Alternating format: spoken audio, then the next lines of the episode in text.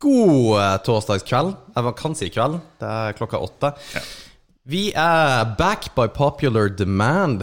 Uh, vi var ute og spurte Rana om eh, vi kunne få noen tips til uh, gjest. Og da var jo Alexander Cornelius Sørensen Du var jo en av de mest populære folka der. Og når jeg sa at ja, han blir gjest på torsdag, så fikk jeg Å, herregud, det her gleder jeg meg til! Og så er du her. Velkommen. Ja, takk for det. Dritbra. Jeg må, det var, ikke mange som var ekstatisk på Facebook. Det var, det var fem likes var det på den. Fake it till you make it. Ja, ok, det, var, ja, det var det var tsunami av folk som sa at du skulle komme hit. Nei, det er veldig hyggelig å få lov å komme. Det var, takk for det. Ja, nei, det syns jeg var kult. Og da, vi, vi har jo eh, Vi, vi prata jo litt i forkant her. Og vi kjenner jo ikke deg fra før, så tenkte vi hvordan blir det å prate med Alex? For vi har jo ikke pratet sammen. Nei? Og eh, vi har jo prata i ett sett siden vi traff hverandre for en halvtime siden, så eh, det her lover veldig, veldig godt. Det skal ikke stoppe pratinga. Det er Nei, det tror jeg ikke. Men eh, ja, hvordan går det for tida som gründer og Ja. Ja, det går godt. Det er jo uh, corona times Ja. for everybody. Men uh, ja, nei, vi er back in business som frisør, da. Det er Dere, når tid, ni- ti- ti- starta dere? Opp igjen? Liksom. 27. april Okay. ja, var første åpningsdag. ja, Så et par uker. Ja, Nei, et par uker. Det er jo faktisk eh, mange uker. Ja, det er det. I juni, Hvordan ja. er det? Jo, det er juni. Det er jo en, ja, seks-sju Nei, seks uker. Kan det stemme? Ja, en stund. Ja, faen. Vi er jo i Ja. Jesus. Mai er jo eh, Det er snart jul. Det går så fort. Ja. Så fort. Nei, så ja, vi er back in business, og det er veldig, veldig bra. Ja. Hvordan Unnskyld? Du driver jo med mye rart. Uh, Ja. Kan du fortelle litt eh, alt, alt du driver med, holdt jeg på å si? Ja. Nå får du til å gjøre, gjøre veldig mye. Jeg gjør ikke så veldig mye, men herregud, det har jo Du har gjort mye. Jeg liker å gjøre mye. Det, Ja. Ja. det, verste jeg vet, er å bli sånn her eh, satt i bås som han frisøren. For å si sånn. altså, jeg skjønner jo at det er jo jobben min, og det er jo det, det, er det jeg er mest synlig for her på Moda. Ja. Eh, det er også, så, så driver jeg jo på med litt musikk òg, jeg synger en del. Men, men det er denne frisøren, så er det sånn, en sånn standardgreie er liksom Å, eh, ja, du er han som er på studio, ja. Ja, hva vil du gjøre med håret mitt? Hva? Eh, På fylla spesielt. Men hvis du skulle blitt betegna som et eller annet, Ja. hva vil du at folk skal gå rundt og eh, betegne deg som? da? Ja, så, ja, eh, ja, si det. Det er jo vanskelig. Jeg er en eh, Nei, jeg vet, jeg vet da F. Nei, men Jeg må eh, jo stryke en del spørsmål her. Sånn, hva ville du gjort med meg? Hva ville du gjort med leiligheten min? nei, altså, jeg, jeg setter pris på at folk eh, er engasjert i, i eh, jobben, altså det, det man driver på med. Altså, jeg hadde en venninne av meg som Eller har, hun, ikke, hun lever jo. Jeg har en venninne av meg. hun, hun, Jeg hadde en venninne, og jeg har det fortsatt. Ja. og hun, er, hun jobber som fysioterapeut, og hun er, kunne ikke gå på fest for at hun, hun sa at hun var fysioterapeut. Så var det sånn 'Å, litt vondt i leddet her.' Og du er sånn der. Så hun gikk på fest, og så sa hun at hun jobba hun på sykehus som fysioterapeut da, eh, på Ullevål. Og så sa hun at nei, hun var eh, eh, må jeg se ned i underlivet her. nå. Hun sa hun var gynekologisk kirurg. For det var ingen som sa noe. Det var ingen som begynte sånn mm, 'Jeg har et problem der'. Så, eh, Og hvis du får den som sier at jeg har et problem der, det kan, kan du sjekke meg. Men, eh, men, du, men eh, driver du studioer? ja, jeg eier og driver. Ikke sant? Fordi at Når du sier at du er frisør, du, du er jo Ja, for du er jo gründer, og du har jo starta ja. et ganske Ganske kvass prosjekt eh, i, på Lillemo. eh. Syns du det? Ja. Ja, jeg syns det. Jeg, jeg, jeg Tusen takk. Nei, jeg husker jo når du starta, fordi ja. jeg har jo vært eh, engasjert i eh, gründere her på Mo. Og så hørte jeg at du skulle ta over på sida der Vekst, som er da Ja. gründerhuset, er. Og du skulle jo ha ganske mye. altså Du starta with a bang. da Du hadde jo svært lokale midt Ja. i byen. Og, og du, du har på en måte også valgt et konsept og, og Altså, du har skilt deg ut, da. Jeg håper jo det på en positiv måte. Ja, Absolutt. For, ja, for det er jo 200 kvadrat, er det ikke det? Ja, det er jo mer òg, faktisk. Nesten, ja, nå er det nesten 300, men vi bruker jo ikke alt. da. Vi deler litt sånn toaletter med Freyr og har bakrom. sånn. Men det er stort. Kjempestort. Det er rett attmed tinghuset. I første etasjen. Ja, Ja. Der har jeg vært mye. Altså, som, På tinghuset. som, som meddommer, men ikke som Ja, tiltak. Du har ikke vært så mye hos oss, da, men eh, altså, Det har jeg ikke. Du, jeg, jeg tenkte egentlig å spørre deg om dere selv hår. Ja, vi gjør jo det. Dere Vi- gjør det? Ja, vi, vi Fantastisk. extensions. Jeg tror det er det eneste jeg kan. Det er det eneste jeg har å gjøre der. Herregud. At ikke vi visste dette her. Dette her kunne jo blitt en bra live-episode. Liksom. Sett på extension. Du vet at extensions, da trenger du, du trenger noe for å sette extensions i. og feste på. Nei, men Er det ikke sånn at du kan barbere liksom toppen av hodet og så legge på en sånn tupé? Det kalles parykk eller tupé. Ja. Jo, men det, det er ganske high level, de der tupeene. har jeg Ja, det er det faktisk. Ja. Vi gjør ikke akkurat det, da. Det ja. skal sies. Ja. Sånn, for Jeg det, føler ikke at jeg er der, altså. God Det det hadde vært så rått, for det, det er jo peise dyrt også. Det hadde vært så kult å fått på en tupé på det, altså. Men uh, Jeg er noe med. Altså, får vi se. Jeg har nå hevet meg med på Ultra, så jeg kan ikke så godt gi meg med på det der. Ja, ja. Men eh, ja, det å starte Men hvorfor, uh, hvorfor frisør? nei, altså, jeg er jo frisør av yrke, og det har jeg jo vært i veldig mange år. Jeg har vært både mange år i Oslo, og, eh, og så hadde jeg jo lyst når jeg først uh, ramla hjem eh, For jeg må si at det var litt Det var ikke sånn eh, strategisk langt Brukte ikke lang tid på den avgjørelsen. Det skjedde ganske fort. Eh, og det er òg en annen historie. Skal ikke jeg Jo. Ja, ja, ja. Hva? Jo, fordi ja, fordi det lurer jeg litt på. Altså, det at vi hopper litt på temaet frem og tilbake. Men hvorfor, i og med at du har bodd i Oslo eh, og det må, altså Oslo er jo en bra plass å bo. Ja. Uh, gøy plass å bo. Hvorfor fant du ut at du skulle tilbake? Nei, til altså jeg jo Jeg har jo liksom en offisiell historie, og så har jeg en uoffisiell historie. Så det er kanskje på tide å dele en uoffisiell historie av og til. Ja. Ja, gjerne det, altså. Nei, nei, men det var altså, jeg- Det er lett å si man, eh, man er jo opptatt av å være sånn. Altså, man liker jo å være eh, ikke virke, ikke virke at man har tapt her i livet, skal du si det. Mm. Men jeg, i 14 så ble jeg skilt. Jeg var gift med min ja, eksmann, må jo da selvfølgelig kalle han. Og så eh, flytta Og først sånn der kjempebra frihet og halleluja. Og så i Oslo etter mange mange år, plutselig bodde man på ei 40 kvadrats leilighet og hadde jævlig dårlig råd. Og tok noen dårlige økonomiske avgjørelser og hadde enda dårligere råd. Så det var rett og slett bare sånn OK, skal jeg eh, overleve, så må jeg bare flytte nordover.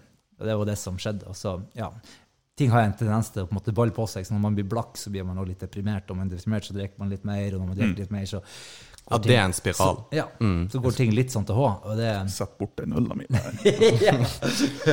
så er det forskjell på å drikke øl drikke tirsdag, onsdag, torsdag, fredag, lørdag. Ja, så eh, ting kan fort havne i litt sånn her Det er ikke noe sånn her, det var ikke noe case for verken det eller det andre prosjektet. Men jeg skjønte jo sjøl at det, ikke, det her er jo ikke så veldig eh, ekstremt produktivt. Og eh, ja. Det syns jeg er dritkult, da. At man på en måte har vært langt nede. Um, fordi at eh, jeg, jeg har vært der sjøl, og jeg, jeg vet hvordan det på en måte kan være. Hvor du, det er litt vanskelig å plukke seg opp, og så må man ta noen ekstreme valg for å på en måte Det er jo ikke ekstremt å flytte fra Oslo til Nord-Norge, men altså det, det kan det for, for den livssituasjonen man er vant med, da. Og så er du her i dag og driver eh, en av de største frisørrestaurantene Frisør... eh, Hva heter det, da? Salong. Salongen, ja. ja. Frisørrestaurant, det var et kult Det var et kult, kult konsept. Der har du et konsept. Og så driver du det, og så er på tinghuset. Altså, du har ting på stell akkurat nå. Og det er Ja, ting er jo veldig bra, sånn Ja. sett. Det er jo helt, eh, det, akkurat det er jo en veldig sånn uh, solskinnshistorie, skulle jeg si. Mm. For min egen del, personlig. For det var jo, det var sånn, det var jo bare én vei, og det var jo oppover. Men det har jo gått skikkelig oppover òg, så det er gøy. Ja. Det er absolutt veldig gøy. så Eh, kult. Hvor, Men hvordan, hvordan har de her to Nei, for dere starta i 2018? Januar 18? Mars 18, ja. Mars 18. Hvordan, eh, så det er to, to og et halvt år siden. ja. Eh, hvordan har reisa vært egentlig siden oppstart? Veldig bra. Altså, for det første så var det jo sånn her Det var jo veldig bra i utgangspunktet, for at jeg fikk jo det lokale um, Altså, det har, en ting, det har en tendens til å bolle på seg, og det som jeg liker veldig bra med å komme hjem til Mo, og alt det, der, er at det er mye bra eh, Det er lett å gjøre ting. Altså, det er lett å skape ting hvis man bare bretter opp ermet litt. Grann, da. Eh, For det er kort vei fra idé til handling i mange tilfeller. Og så det var så enkelt som at jeg hadde en kunde som tilfeldigvis eh, har en eh, mann som eier mye eiendom, og som sa OK, har du ikke lyst til å, når du først skal åpne salong For det var, jeg bare delte ideen at jeg har lyst til å åpne eget, liksom. Så når du først skal gjøre det, kan du ikke gjøre ordentlig? Og så ja, men ordentlig er dyrt. Ja, men dyrt kan vi, kan vi, kan vi finne ut av. Eh, og eh, da kom jeg jo bort dit. Espen Haaland, som er ja, en av de eierne, som bare sa at nei, men vi får jo det her til. Altså, vi, det finnes jo bare, jo bare løsninger. Det må vi bare løse. Og den, det var, den var ny, for jeg har vært vant med å ha vært i en by der du sier ok, Ja, du må gjerne gjøre det hvis du har fem millioner, så kan vi kanskje hjelpe deg. Sant? Så plutselig at du fikk eh, folk som sa at «Nei, vi har tro på konseptet, vi liker at vi har lyst til å skape ting. Og det var sånn, ja, veldig deilig boost, da. Ja, Haaland og Espen spesielt, da, den gjengen er jo fantastiske med å på en måte bygge opp under den Veldig. kulturen som er rundt omkring. Og jeg er jo veldig opptatt av, genuint opptatt av at det skal være eh, altså, det å skape, nærings, skap næring. Det, er jo, mm. det gjør de i sine firmaer, men også opptatt av det. De eier jo mye eiendom, og jeg er veldig glad for at eh, de var ekstremt sånn her eh, Veldig eh, medhjelpelige. Ja, og jeg syns det er kult. Den suksesshistorien der er fantastisk. Også, mm. altså, og du har vært gjennom harde tider nå og kommet deg opp på beina igjen. Og, og greier, og det, det, det er ikke enkelt å være eh, holdt på å si restaurantdriver. Jeg vet- da faen hvorfor jeg sier restaurant hele tida. Er du sulten? ja, jeg kan ha noe med det å gjøre. Men, men Alex, vi skal backtracke litt, da. fordi at du, du er jo fra Mo. Ja, eller jeg er fra Hemnesberg, egentlig, da. Hemnes. Ja, det skal sies. Okay, Sånn så- til nå, sånn, så ikke noen føler seg sånn her Men er Hemnes Mo? Nei, Det er ikke det. det er ikke det. det er jo en helt annen kommune, så det er jo sånn Ja, faen, Hemnes. Å, herregud, nå dreit jeg meg ut. Ja. Skikkelig. Ja, ja, ok.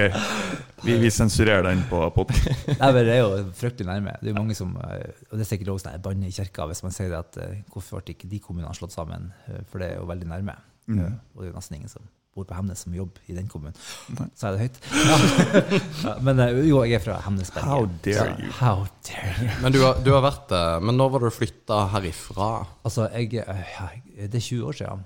Så det var da, nå er vi i 2020, så det var i 2000, ah, 99. For det er 21 år siden. Hvor gammel var du da? Eh, da avslører jeg hvor gammel jeg er. Nei, jeg må tenke, eh, hvor gammel var jeg da? Eh, jeg var eh, Tre. Ja, vi For sier da, det. Tolv og et halvt. Nei, jeg var vel Jeg var 19, var jeg ikke det? Jo. Ja, riktig. Um, Og vi, vi snakka jo litt om dette her før vi eh, begynte, og jeg, jo, jeg lurer jo litt på um, Altså, du er jo homofil. Når var det du kom ut av skapet? Det, jeg var, ja, det gikk jo også noen år. Altså, alle visste jo at jeg var homo før jeg Eller visste jo selv, da, men før jeg turte å si det høyt sjøl. Jeg husker jeg var sånn, det, begynte, det første sånn, jeg, jeg begynte å dele, det var eh, ja, selvfølgelig sånn russetidfest med venninne på gymnaset. Sånn her, med tårene i halsen, og jeg tror kanskje jeg litt liker gutta òg. Altså at jeg er litt bifil. Så jeg bare sånn Really? Vi, sta, vi starter mildt. Ja, så bare ekstremt mildt. Sant? Og så, nei, og så flytta jeg til Oslo. Jeg hadde jo, fikk meg jo faktisk dama eh, nesten med en gang jeg flytta ned. Vi bodde på Nordnorsken, på studentkollektivet der. Så møtte jeg ei som heter Mamma heter May-Helen. Altså, altså, min mor heter May-Helen Sørensen. Så møtte jeg ei som heter May-Elise Sørensen. OK! Det er Freud, det freudiansk. Det er Freud. Oh yes. Men det, hun var liksom Eller hun, hun er heller ikke død, så hun lever. Hun er fra Kjøllefjord. Prat om folk de var. Ja. Hun er fra Kjøllefjord og bare nydelig vakker, spiller gitar, sang. og jeg bare sånn her, Jeg falt jo pladask med en gang. Og det var jo like mye for Altså, det var jo hele pakka. Ikke bare Eller jeg var jo ikke fått henne jenta, jeg var jo heller ikke hetero. Men bare sånn kjempeforelska. Jeg var oppriktig forelska, så vi ble jo kjærester. Og var det liksom en stund. Og eh, kom hjem og husker liksom jeg visste bilder av henne, for det var jo fortsatt liksom bilde i pengeboka.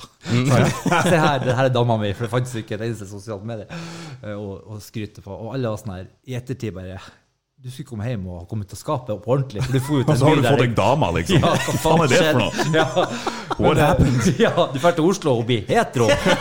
Saklig. Så det, det var liksom Men det gikk jo fort over. Og så eh, det ble jo slutt fordi hun spurte meg du, er du sikker på at du egentlig ikke liker gutta litt bedre. Ja, sier Og så sa jeg eh, du har kanskje rett. Og så ja, men da kan vi være bestevenner. Og så gjør du det. Og da skjønte jeg at jeg må kanskje komme ut av skapet, for det er litt på tide. Og så, bodde jeg, så flytta jeg ut derfra. Så bodde jeg i et kollektiv med tre kompiser. Eh, som alle, vi var alle homo da. Vi var, fire, jeg ble kjent, ikke full, hørtes vi var kjent fordi vi var homo. Det helt tett, jeg ble kjent med en av oss ja, whatever. Vi bodde i kollektiv, hadde det veldig fett. Og så hadde vi, en, hadde vi et vorspiel, og så fant ut liksom, vi fylla at jeg må jo ringe mamma og pappa og fortelle at jeg er homo. Da var jeg 23 år. Det tok sånn ja, det tok litt tid. Ja. Så satte jeg meg på og Jeg har sett altfor mye på dårlige filmer. Jeg satte meg liksom på kjøkkengulvet med et glass rødvin. Og jeg skulle liksom Hvor er kameraet? Skikkelig dramatisk. Ja, veldig, og full av tårer. Og, sånn, og jeg tenkte jeg må ringe han pappa, for jeg må si det til han først, for han kommer til å bli helt knust for at sønnen hans er homo. Sant? og ja, kjempeteit. Og så gjorde jo det, og han var sånn her Herregud, jeg, jeg, om jeg ikke elsker deg først, jeg elsker deg nå, liksom den der. Ja. Sant? Og det var jo enda tåredryppende. Og så kom mamma på telefonen bare Hva du sier for noe?! Så jeg sier homo. Nei, er du det?! Så hun og den som ikke hadde kobla det, hun Nei, jeg trodde jo ikke det. Pappa han hadde skjønt det litt, kanskje. Ok. Men de hadde ikke Men mamma okay. hun var liksom ikke, hun hadde ikke tenkt det. Så det bare, De så meg heldigvis bare for det jeg var, og ikke hva jeg, hvem jeg var, og ikke hva jeg var. Ja, for var Det jo ant antiklimaktisk, egentlig, da. Jeg, for, jeg hadde jo håp, ikke håpa på. Jeg hadde trodd liksom at de skulle bli sånn her eh, Å, det her må vi fordøye, eller det her må vi snakke om, og kan du komme hjem, vi må ha eh, intervention. vi må til Dr. Phil og prate om det. Og, Ja. gjerne kanskje støte meg ut av familien en stund og være sånn svarte. Og sånn. Og så kom seg over det, og så er det en sånn her eh, Ja, come, comeback story, liksom. Null problem. Det var bare sånn easy, breezy, beautiful. Men eh, ja, fordi at eh, jeg, jeg fortalte jo også, Alex, at uh, søstera mi eh, jeg, Altså, jeg vet ikke om jeg kan kalle henne lesbisk, eller hva, og det, det er jo labels, da. hva- Er hun hva- lesbisk? eh, ja, jeg, jeg tror kanskje hun er det, ellers er hun bifil. Jeg er liksom ikke helt sikker. Jeg bryr meg jo egentlig heller ikke, at hun er bare søstera mi, uansett hvem hun på en måte elsker å å ha lyst på. Det vil jeg ikke si om søstera mi, men eh, nå har jeg sagt det. og nå, hun kom ut av skapet kjempeseint, Um, og, og det var veldig dramatisk for hun, men det var ikke dramatisk for noen i familien. Og, og det det Og hun, vi er jo fra Kristiansand, eh, lille på en måte Kristiansand bibelbelte, og der var det jo ikke lett å på en måte komme ut og eh, stigmatisering der ennå. Hun har jo også har jo kompiser som har prøvd å bo der også nå, ikke sant, i 2020, og sier at nei, Oslo er plassen du må dra til, det går liksom ikke an å være Kristiansand. Men hvordan er det på Mo? Eller ja, på Hemnes? Det lurer jeg òg på. Jeg lurer, jeg lurer på hvordan det er på Hemnes. Jeg tenkte det må være eksponentielt verre, på en måte, og om ikke kom ut, for det hadde du vel ikke gjort på den tida. Um, Nei. Uh, men å, å være homofil på en så liten plass Ja, Det tror jeg Eller det er sikkert, jeg håper det har forandra seg, liksom. Jeg tror det har forandra seg òg, sånn, i forhold til hvordan vi er med folk. Altså, når, man føles jo gammel når man sier det, men når jeg gikk på ungdomsskolen, eller når vi eh, gikk på ungdomsskolen, så var det jo nesten Det var jo femi å ha gelé i håret. Altså som gutter, sant. Det var sånn ja, å, har du gelé, du er femi. Ja? Eh, Så det, og det er jo definitivt ikke sånn nå lenger, da. Eh, Og jeg har Nå har det gått helt andre veien, egentlig. ja, veldig gjerne veien. og jeg har, jeg har en nevø som bor i Bodø, han er 23, og jeg husker jeg la merke til det når han var sånn rundt konfirmasjonsalder, sånn 15, og hadde bursdag, så var det masse sånne kompiser på Facebook som skrev sånn her eh, 'Gratulerer med dagen. Glad i deg. Klem. Ja. Et hjerte.' Så tenkte jeg, kødder de, eller er de, altså, er de ironiske nå, liksom? Så jeg måtte spørre han liksom, nei, herregud, det vi er jo beste venner, liksom. Det er, det er my bro. Sant? Og det var jo, sånn var jo vi vant med at det var kun jentene som var med hverandre. Sånn at de klemte og var på en måte, visst omsorg, da. Mens guttene var sånn ah, må- vi tøffe, vi må holde avstand, vi kan ikke klemme, og faen, er du homo, eller? Nei. Så det var jo Ja, ja, det er ja, ja. Så det var jo mye vanskeligere sånn sett. Så det, det var helt uaktuelt for meg å skulle på en måte være, komme ut som homo på Hemnes. Og det var uaktuelt? Ja, det, For, jeg vet, ja, for jeg husker jo jeg- altså, ennå jeg ikke visste sjøl at det var det skutt seg, jo da. Men så var, jeg ble jo masse mobba i den grad. Det er lett å gjøre altså Man gjør seg litt sånn til sånn klovn, og da kanskje det ikke ses på som mobbing. Det er jo mobbing fortsatt. Ja. Men jeg, måten min å takle på det var liksom å være eh, var kjappere ute med å både gjøre narr av meg sjøl og være kjapp med å gjøre narr av andre. Så jeg ble liksom en mobber sjøl, ja. Det er jo fors forsvarsmekanismer. Ja, veldig. Ja. Men, eh, men eh, jeg forventa jo ikke at det skulle være noe homomiljø når jeg kom hjem heller. Eller visste jo at det kanskje egentlig ikke var det, verken eller på Hemnes. Det er jo nei, ingenting. Men på Mo òg. Jeg trodde jo at Vi er jo en by, eh, og det bor jo en del folk her, så jeg hadde jo håpa og trodd at det kanskje skulle være mer eh, at det skulle være mer åpenhet rundt det. Fordi at eh, jeg vet jo at det finnes mange Nå er jeg jo godt etablert med samboer, men jeg kom jo hjem som singel, og man har jo en del apper som man kan bruke for å både kartlegge hvordan, hvordan ståa er på alle plassene man er. Og det er utrolig mange som er på diverse app apper, men som ikke nødvendigvis er homo. ja, si det ja, sånn. riktig. Så det, det er mange, det er mange det tror, eller, tror, jeg vet at det er mange skjulte her, og det syns jeg er litt Det er trist. trist, ja. Eh, Så det er litt sånn, man skaper jo eh, Man skal ikke presse noen ut av skapet. Og mange sier sikkert at nei, men jeg kommer ikke ut, for jeg er egentlig ikke homo. Men let's face it. Ja, Altså. da, ja, da må man jo være ærlig med seg sjøl. Men, men jeg tenker sånn det, Må man det? Ja, Eller man burde nå vel det, egentlig, for Ja, sin egen lykke. Jeg, Jeg syns det er litt trist hvis du legger altså, Vi har jo bare ett jævla liv, liksom. Ja. Så hvis du skal bruke så store deler av det kvalitative delen av det til å på en måte fornekte hvem du er, Ja. Ja. Det, det, det kan ikke være noe Og det er det mange som har gjort før oss. Jeg tenkte at vi må, Verden har gått fremover. Så Men tenker eh, nå, nå går vi litt andre veien, men t- er det sånn at da, hvis man er seksuelt tiltrukket mot et kjønn, at det har, er, har veldig mye å si for hvem man er? Altså, Altså- hvi- hvis man er Altså selvfølgelig hvis man er homofil. Jeg, jeg skjønner det som worst casen, hvor man som- sitter og på en måte Og jeg skulle ønske at jeg kunne bare elske hvem jeg vil, men hvis det er liksom men Det er et godt poeng. der, For jeg vet jo at nå, altså de ungdommen i dag de er jo litt mindre opptatt av den her eh, labelen som, Mm. som litt eldre ungdommer, må vi kalle oss. Altså, Det er faktisk et bra grep. eldre ungdom. Ja. Ja. Altså, det her med å kalle seg For jeg vet veldig mange sånne unge de liker ikke begrepet homo eller lesbisk. De liker begrepet som skeiv, eller Mm. eh, og at liksom er litt sånn noen, Det her må være litt mer sånn kjønnsflytende. At Mm. det blir, blir forelska i den man, personen og alt det her. Sant? Det finnes jo mye begreper, og det jo, jeg kan jo ikke halvparten engang sjøl. Sånn, hvilken type både seksuell og fil du er. på en måte. Jeg har prøvd å henge med litt. LGBTQ, og så tror jeg det, det kommer noen mer bokstaver etter Ja. hvert. tror jeg. Ja. Lesbisk, bifil altså det, er- Queer, transgender, ja, det, du får, gay eh, Ja, noe. Det skal liksom fange rundt alle, både lesbisk og bifil og homofil og trans og you name it. Ja. Mm. Ja, fordi at um, Altså, nå hø- høres jeg ut som en homohistoriker, men uh, Det syns jeg var et fint ord. ja. PhD. Men, uh, men det som er litt interessant, da, er jo at det fins jo uh, veldig mye historie om Om på en måte kjærligheten Eller ikke kjærlighet, kanskje, men seksuell eh, omgang med menn blant romerske soldater og samuraier. Det var liksom Ja. Det var altså Det var mye større åpenhet rundt det før. Ja, for du var liksom ikke homo Du er ikke Om du sugde kompisen din, så var det liksom ikke noe ille. Liksom. Ja, Og, Det er jo illustrert i gammel eh, gresk eh, mytologi, og ja, som du nevnte, for så vidt. Eh, men så virker det som om det, etter det så har det vært en periode der det plutselig er blitt tabu. Ja. Og så forhåpentligvis Jeg er jo ikke så inne i det miljøet, men det virker jo som om vi er på tur å løsne igjen. At ja, det, det håper jeg, for jeg tenker for det jeg tenkte å spørre deg om i stad, var litt For, du- for du, du snakker om åpenhet rundt det. Eh, og det er én ting, men aksept er jo en annen ting. Ja. Selv om de går litt inn i hverandre. Eh, hvordan har du oppfatta det på Mo sånn i, i ettertid? En ting er at det kanskje ikke er så stor åpenhet rundt det, men er det aksept rundt det, eller har du opplevd ja, mye? nei, jeg har ikke opplevd noe sånn altså, Jeg har opplevd bare positivt med det. Jeg Det tror jeg måten du på en måte Hvordan du fronter sjøl òg, på en måte. da. Altså, jeg er veldig sånn jeg, jeg føler meg sånn litt mett på leia. Ikke spesielt maskulin, og ikke spesielt sånn outrert feminin. Så jeg blir liksom ikke den Du blir ikke den det, Jeg tror ikke det er noen som oppfatter meg som sånn her støtende homofil. Sånn. ja. Og, og hva er det for ja. Jo, det, det er skrullehomo. ja, definitivt. liksom. Og jeg kan Ja. Du kalte det? Skrullehomo. Ja. Jeg vet ikke hva det er. for. Nei, men det er litt sånn Ja. ja, det er det.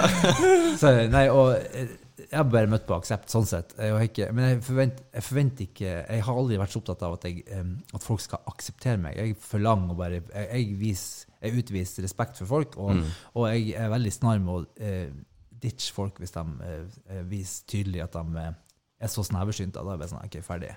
Så jeg gikk og sånn her, og jeg, oh, I want your acceptance. Liksom, det driter jeg i, rett og slett. hvis du ikke... Så det er jo selvfølgelig mange som Eller mange, det er sikkert mange det er sikkert mange som ikke liker meg òg. Og det håper jeg jo litt, for det er kjedelig hvis du bare ja. liker deg. Ja, det er det Men, litt, eh, ja. Og det trenger jo ikke ha noe med legning å gjøre. Altså, det, det, det Men det som er litt sprøtt med, liksom, eh, og det er jo, jeg er jo vant med å være homofil, sånn sett, i Oslo. Eh, og det er jo det er jo Norges største by, og der er det jo definitivt flest eh, homofile og eh, lesbiske, skeive, you name it. Og der er det jo veldig sånn Der er det jo veldig mye mobbing, eller masse fordommer internt i homomiljøet. Hvilken type, okay. homo, hvordan type homo du er.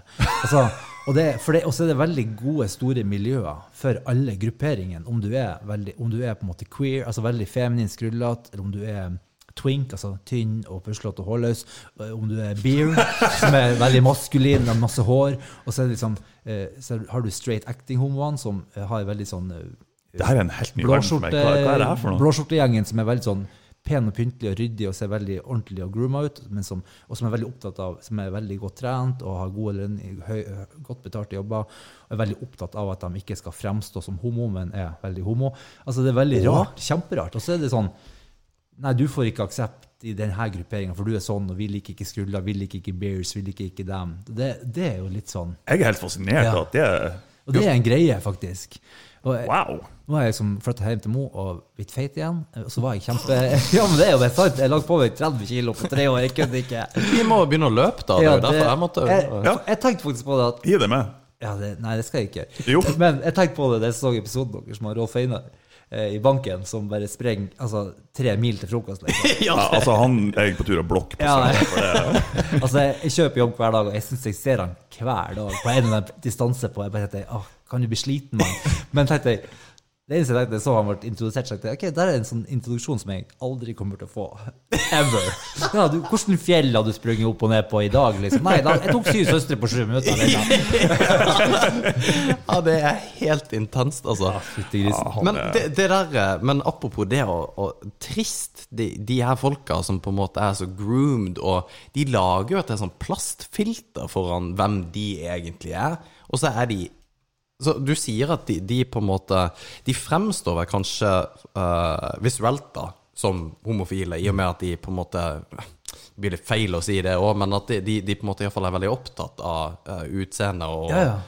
Men de er ikke redd, de er åpne homofile. og folk- oh, ja, okay. Ja, de er ikke sånn at de skal skjule det, men de er veldig opptatt av at innad i homomiljøet så eh, passer vi på å være liksom vi er sammen. Eh, Hva, hva er det med mennesker og grupperinger? ja, det er jo helt merkelig. Det er helt sykt. altså Uansett hva du gjør, så skal du tilhøre gruppa. Enten det er politisk, eller det er sport, eller hva faen det er for noe. Man må tilhøre ei eller annen gruppe.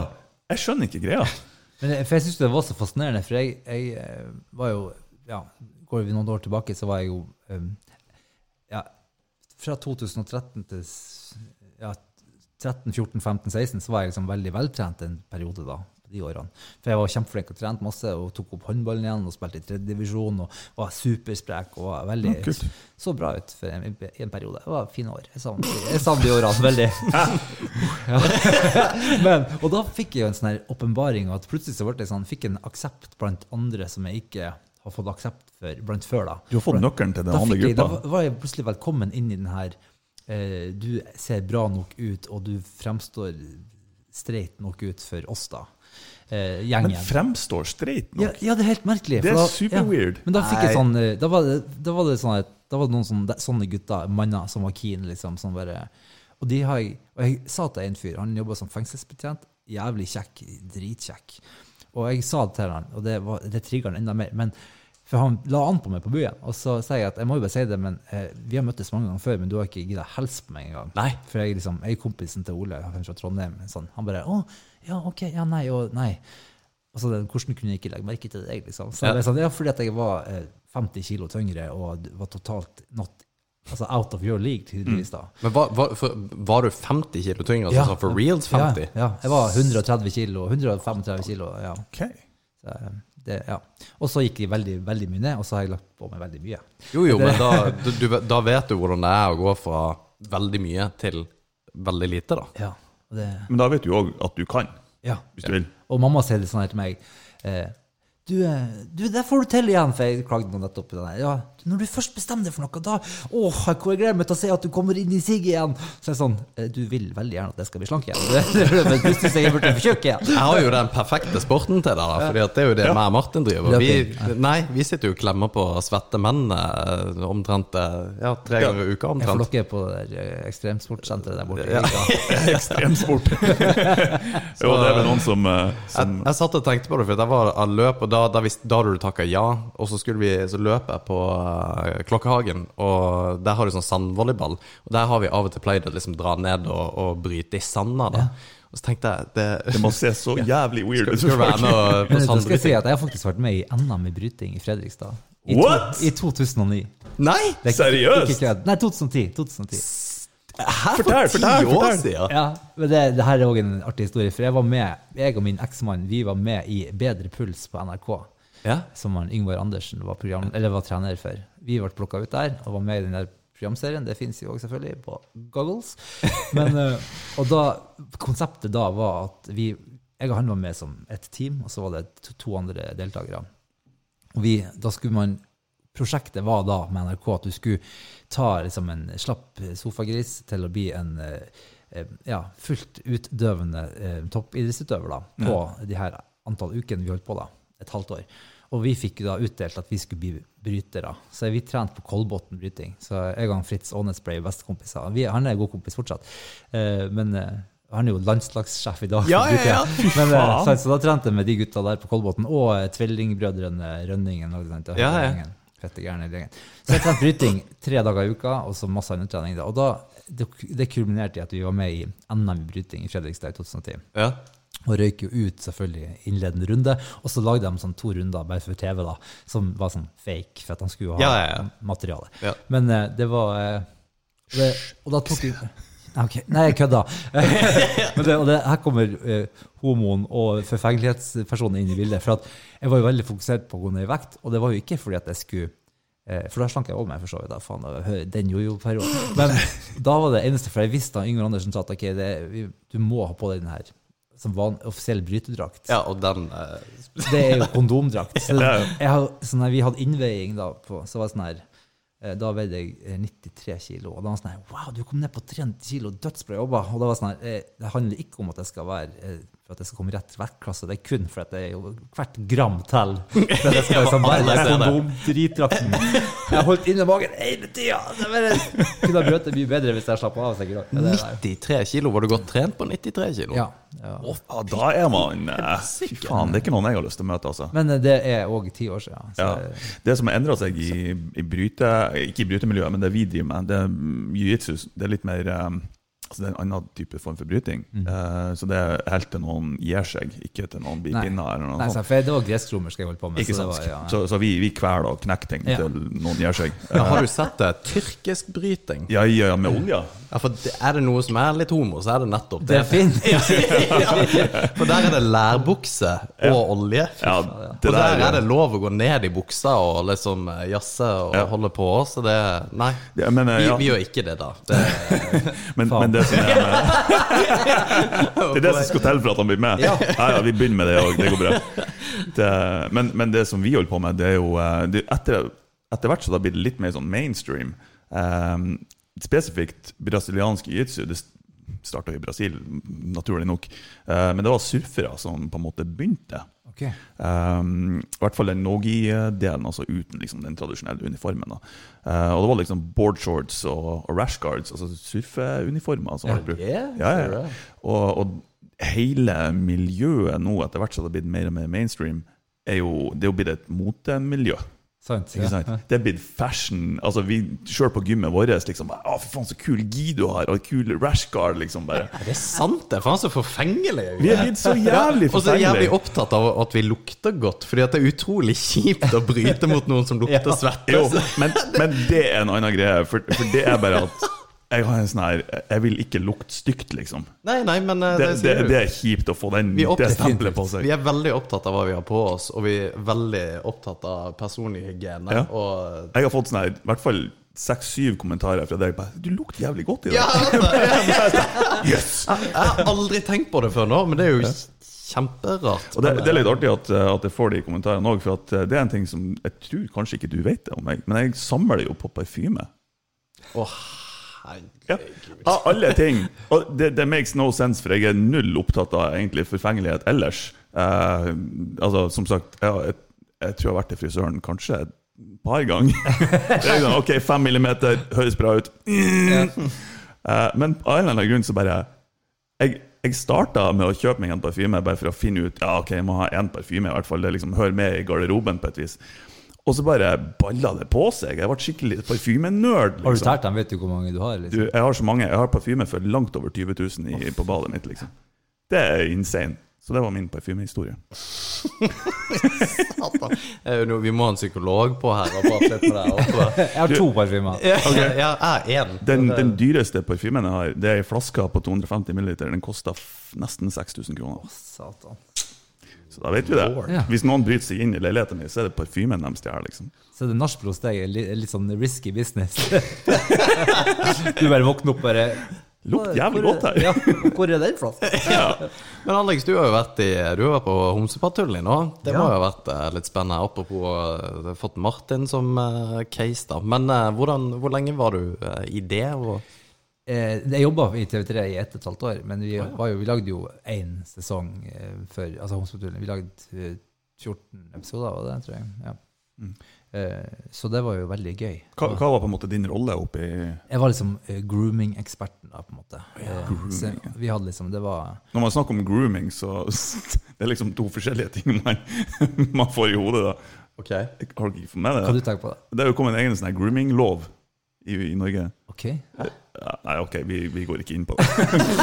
det, det. Det er et mørkt tema, for å si det sånn. ok. Ja, uansett. Ja. Det er ikke det. Du snakker om skjønnhet. Nei, jeg snakker om skjønnhet. Ja, det, vi, det her var jo altså Homsepatruljen, kort fortalt. Eh, vi var fem eksperter som skulle jobbe med norske menn, eh, som skulle få skikk på livene sine i form av hus og heim og utseende og, og, eh, og livssituasjon og relasjoner og litt sånne ting. Da. Så det var, jeg hadde ansvar for grooming, og da gikk det liksom sånn på selvfølgelig eh, appearance, altså utseende og eh, you name it. Og så var det, men så hadde, jeg fikk jo jobben litt òg fordi at jeg var liksom litt glad i å liksom, være litt sånn halvveis psykolog med folk. okay. sånn, og det kom fort Eller Det har vi bruk for. via, ja, sant, ble via, via tipsa. Sånn, sånn, produsenten sa det liksom at det, Eller han var veldig ærlig og sa at vi har, vi har flere andre frisører vi kunne fått med først, men så fant vi ut at du passa bedre, for du hadde den der egenskapen òg.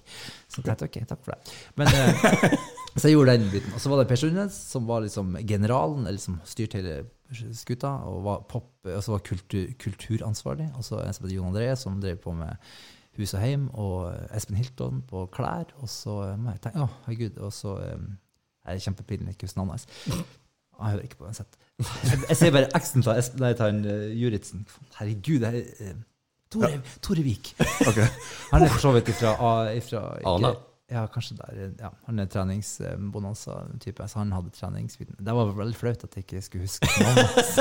Det går Jeg har ikke sagt det på en stund. Altså, vi, vi reiste rundt og eh, hjalp norske menn til å få det bedre hjemme, se bedre ut, eh, få være bedre mot de rundt seg. Og. Men det må jo ha vært ekstremt givende. det var dødsgøy. Ja, fordi at det virker altså Fra, fra utsida så tenker jeg liksom Homsepatruljen at det, det er litt sånn skrullete. For jeg, jeg tror jeg har sett den USA Jeg, jeg tror jeg så den norske òg et par ganger. Men at det, det, fordi at det er show og TV, Ja, ikke det, sant? Det, det, var det, som var, det var det som var litt kjipt, egentlig. fordi vi, når vi lagde vår sesong, så var vi sendt, det var TV3 som sagt, og Dynamo Entertainment som produserte. Og de var sånn Vi skal ikke være Vi skal være liksom litt mer moderne. Vi er nå i 2012, så vi skal ikke spille på det her teite stereotypiene og alt det der. Så vær dere sjøl, og ikke vær sånn. Og, eh, og da fikk vi jo masse Jeg husker vi fikk terningkast to i Dagbladet på da, premieren. liksom, eh, Homsepatruljen er, er bare kjedelig, eller noe sånt. Okay. Og jeg husker vi fikk masse sånne, eh, fikk masse sånne eh, Ja, vi ble liksom anmeldt. Og jeg husker jeg var veldig opptatt av selvfølgelig hvordan jeg fremsto, så jeg ble så veldig glad når jeg fikk sånt. Ja, jeg husker en gang vi leste Nettavisen, så var det sånn ja, dølt og kjedelig, eh, mens Alex Cornelius fremstår varm og, og omsorgsfull, oppriktig, eller noe sånt. Jeg husker. Så var jeg sånn skikkelig Ok, jeg si det høyt, for jeg må jo tenke på det er team. Og sorry, gutta. Men det var, det var, men det var jævlig gøy å, å Ja. lage Det var veldig gøy å lage TV, og veldig gøy å gjøre det konseptet. Og så fikk jeg jo fryktelig lyst til å gjøre det, Så ble jeg jo gode venner med de andre, bortsett fra Tore Vik, som ikke husker navnet på. Tydeligvis. Eh, veldig god kompis. Bestevennen min. Jeg, jeg og Per Sundnes ble veldig gode kompiser, og han er en artig skrue. For jeg, jeg likte jo ikke han i det hele tatt. Eller trodde ikke jeg likte han, sånn ut ifra personen Grand Prix Per Sundnes. Sånn før. før, før du har møtt han, liksom. Jeg tenkte off, nei, for jævla Chrisa fra Bodø, liksom. Og jeg tenkte ok, vi kommer sikkert på masse problemer med å Så bare ble vi bestiser med en gang. Oh, ja. Digg, den mannen der. Er helt fantastisk. Ja, artig Skikk- sånn han er en ordentlig, ordentlig bra person. Men eh, det var veldig gøy. Kjempegøy. Og så lærte var jo masse nytt og kult. Så jeg fikk jo veldig lyst til å jobbe i TV, og det var jo Jeg skal ikke hoppe masse i tema, men Jo, jo, etter, at vi, etter at vi gjorde det, så fikk jeg skikkelig sånn identitets litt sånn, Jeg måtte liksom finne ut hvem er jeg fordi at jeg, vi var ferdig med TV-produksjon, og så eh, jeg følte liksom at det var nesten sånn Det kunne sammenlignes med folk som har fått, nesten fått platekontrakt. For at du, du, får, du blir oppdaga, og så eh, liker folk deg. eller sånn, Programsjefen i kanalen likte deg, og produsentene der likte deg. Og så bare sånn, på noen korte måneder så fikk plutselig en eh, sjefsprodusenten der fikk jobb i Monster, ble borte. Eh, program, eh, hun som var programsjef i kanalen, mista jobben, for hun brukte for mye penger. Hun for til NRK. Eh, ja, sant, for, og de, så plutselig ble det mange nye folk, og så kom det nye folk i TV3, og de var sånn, vi må bare avvente. For det var masse nye ting som skulle skje. Vi skulle lage nye programmer, og vi skulle gjøre masse gøy. Sant? Og så ble liksom bare stopp, da, for at de personene som likte deg, var ikke der lenger. Ja, og de nye folkene var sånn Nei, hvem er du? Vi, Altså, de nye folkene så bare på seertall, og TV3 har lave seertall. Og så nei, vi må avvente, og vi må tenke penger og hva you name it. Så da ble det, så stoppa det liksom opp. Man havna i sånne bobler og Ja. tenkte liksom at nå skal vi gjøre mye kult. Og så ble det liksom bare stopp, da. Men er det noen av de episodene som popper ut, som du husker veldig godt? Ja, flere. Eller den første vi lagde, kanskje fordi at det var den første, men det var liksom sånn noen skjebner. For det var også litt sånn castinga på de som var med når vi lagde var, Det var ikke sånn at jeg skulle bare finne noen som så stygge og trassige ut, da, men det var liksom hadde opplevd litt personlige tragedier og litt sånn forskjellige typer ting. Og den ene som vi, den første episoden vi spilte inn, men som ble den andre som ble sendt, han eh, var en fyr fra Moss som var eh, alenefar til en liten gutt. Der dama hans, eh, kona, døde bare to år før hun fikk sånn kreft og bare nesten over natta ble borte. Og så satt han igjen liksom, med barn, og uh, livet var bare snudd på hodet. Og så liksom, hvordan skal jeg klare det her? Han Liksom? trengte litt motivasjon. Og han var liksom sånn her, skikkelig sånn fin fyr som bare uh, syntes livet var jævlig vanskelig. Og det husker jeg at det gjorde så mye med meg. For synes, en ting er at du kan bytte ut møblene hans og kle på håret hans og sørge for at dere får ei fin helg i på Mm. Det er sånn her, ja. hva faen er det? Det må jo en livsstilsendring til, liksom. ja, og han måtte være så jævlig langt nede. Og så var han så jævlig ung eh, da. Han var kanskje 32 den gangen, kanskje. Så han er jo ikke så innmari gammel i dag heller. Men uh, livet kom så innmari brått i trynet på han da. Og jeg husker liksom at når han, når han var, liksom, var ferdig med produksjonen For vi brukte ei uke på hver case da. Ok. Så, og da når uka var over, så var han sånn at Å, jeg skulle ønske at vi brukte en hel måned på å lage det programmet. For at det var sånn her det var så fint å ha dere her. Og, mm. og da, var sånn her, da fikk jeg bare lyst til å ta med meg hjem. Sånn. Yeah. Okay, nå må jeg, jeg kan ikke gjøre det med alle. Jeg må liksom må rive plaster, dere må videre. men det, var, det, satt masse, det husker jeg var veldig sånn. Og så husker jeg at jeg var så sur for at den ene produsenten, eller en som jobba i produksjonsselskapet, sa bare sånn Å, det her er sånn skikkelig Gullruten-øyeblikk. Husker han sa for at han, han fyren her sto og skreik og var takknemlig. Og så husker jeg tenkte bare, fy faen, vi er mennesker. Ja, Vi ja. snakker om det her skjebner. Så tenkte du bare sånn, åh, vi blir sikkert nominert for en, til en gullrute Ja. for det her. Det er bare idiot. Men hva, hva, er det som, hva er det som trigger deg på akkurat det å ha lyst til å hjelpe, eller på, på, gjennom det du kan, da? Ja, for det er jo det som er, syns jeg er ekstra gøy med å være frisør òg, da. Ok, jeg gjør hår, liksom. Skreller man det ned, så er det jo, man gjør hår. Men samtidig så er det jo sånn her, er for mange er det en viktig jobb. Jeg vet at mange folk er veldig glad i oss, fordi vi er liksom, jeg hadde en kunde av meg i Oslo som uh, jobba i politikken. Hun sa det som det er to personer som jeg måtte klare å senke garden med og åpne for det deg, og, altså det er deg som frisør og mannen min, liksom. Ellers er jeg bare sånn en jernkvinnen som har stålkontroll på alt, liksom. Men så, det er to personer, og tenkte shit, jeg og mannen, wow. Ja, jeg Men- men jeg skjønner jo, for at hun har liksom, mange vil ikke plage vennene sine med ting, og mange vil liksom ikke dele for mye med de som man har nærmest hverdagen, hverken kollegaer eller venner eller familie, fordi at liksom det blir for nært igjen. Mm. Så trenger de den frisona å være hos frisøren. Ja. Og den, det forplikter, liksom. Så jeg kan ikke ta lett på det. Og, det, så liker jeg å være sånn Jeg er en people person, men jeg er òg faktisk ganske sånn Mange tror at alle, eller ikke alle, mange tror at frisører som er sånn der utadvendte frisører, er utadvendte mennesker på alle områder. Og jeg er sånn her veldig introvert òg. Jeg elsker liksom å være alene. Jeg har veldig behov for å bare sånn, lukke igjen døra, han må være litt stille. Så jeg er ikke sånn her at det er klovnen Alex som skal være, hele tida være eh, center of attention, liksom. Men eh, jeg synes jeg elsker å gjøre jeg elsker jobben min fordi at den er så kompleks. Det er så mye med den. Det er ikke bare, det handler ikke om hår, det handler om mennesker. og, og ja, det er viktig. Jeg tenker jo også, altså, Det har jo med, med det å føle seg bra har jo en stor del med det altså det å You look good, you do good. Ikke sant? Ja, ja. Når, hvis man ser bra ut, man føler at man er liksom på, på sitt beste Det trenger jo Hvilket nivå det er på, det spiller egentlig ikke så stor rolle. Men hvis man føler seg bra med seg sjøl, så det sier noe om sjøltilliten òg. Og det sier noe om hvordan man presenterer seg sjøl mot andre, ikke minst. Og Sant. jeg tror det er mange som egentlig har behov for det Uh, på et høyere nivå. Absolutt. Uh, og dem som kanskje har behov for det, de, kanskje de ikke er de første som drar til sånne plasser. Nei, også, men det, det er en greie med liksom å gå inn og få klippa håret ditt og se bra ut. For det kan du få fra, fra mange. Absolutt. Men du, du legger inn en helt annen dimensjon, fordi at du, du Det høres ut som du også vil bli kjent litt med Ja, veldig. Altså, Ja. jeg, jeg jo, som du snakka om når vi møttes, at liksom, du er en klemmer. Jeg er jo definitivt en klemmer. Og Ja. jeg vant meg som at kundene mine blir på en måte vennene mine og gjestene mine. Altså, det er jo, så jeg klemmer jo på veldig mye folk. Og noen merker at ok, nå er jeg litt tidlig med å bryte isen. For jeg, jeg merka litt, var litt sånn eh, eh, Jens Stoltenberg og eh, Ja, samme det. det Ja, ja, ja. Kleine øyeblikket med han, Ja. med han trønderen. At det er liksom, men, men samtidig liker å klemme på folk, og det er viktig. Og det har jeg gjort. eh, Altså, unnskyld digresjonen, men det å drite seg på klemming For jeg, som jeg sa, jeg er også en klemmer. Ja, jeg også. Og jeg, jeg kom på jobb eh, Jeg var på tur til skatteetaten i eh, Oslo, på Helsfyr der, som er liksom direktoratet. Og det første jeg gjør når jeg kommer inn, er på at det er ei som sitter liksom og holder på med PC-en. Og jeg møtte noen folk som er klemmere, og hun satt liksom og holdt på, så skulle jeg liksom klemme henne. Jeg er litt høy og kommer liksom over henne sånn og bare Hei.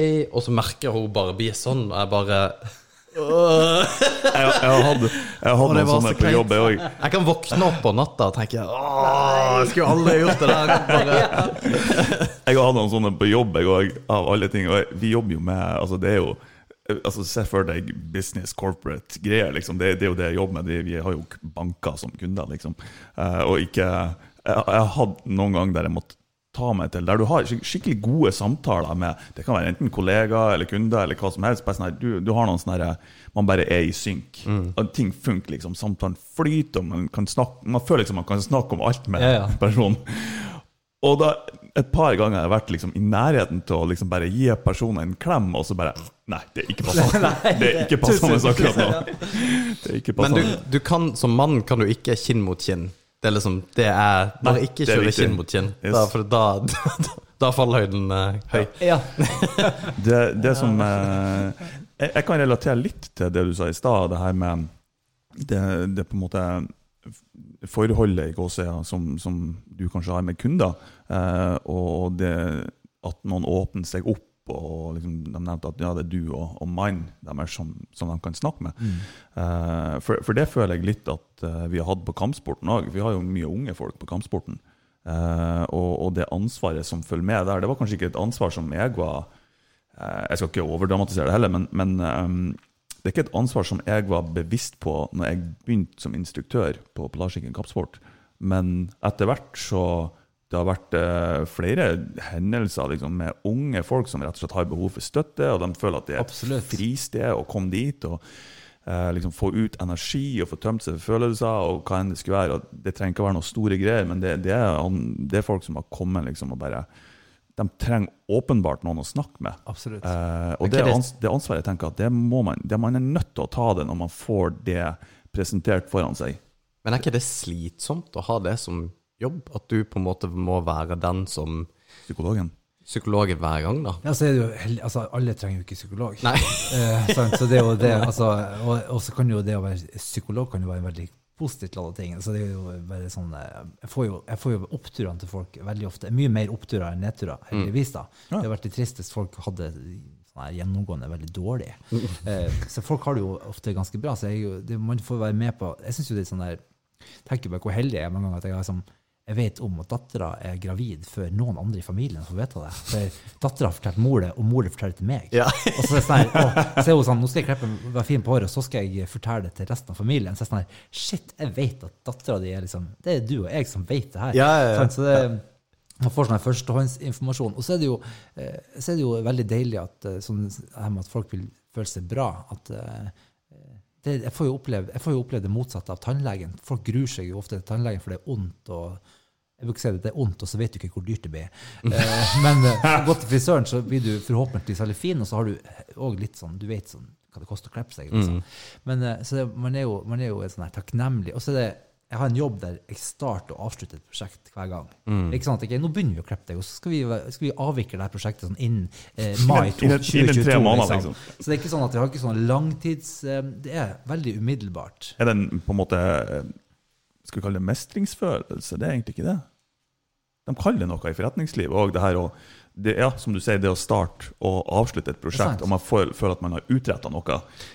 Ja, ja, ja, det, for det, det, det er noen mennesker som har behov for det, og så er det noen mennesker som kan jobbe med de her prosjektene i to år og være fornøyd med det. Ikke ikke sant? Ja. For jeg har jo ikke den egenskapen. Jeg er jo veldig utålmodig, så jeg kan ikke begynne på noe som Jeg får jo helt panikk. Jeg er jo blitt voksen. Så, men jeg skjønner fortsatt ikke det at hvis jeg vil ha den sofaen, så sier de ja, den tar vi, det tar eh, åtte uker før den kommer tidligst.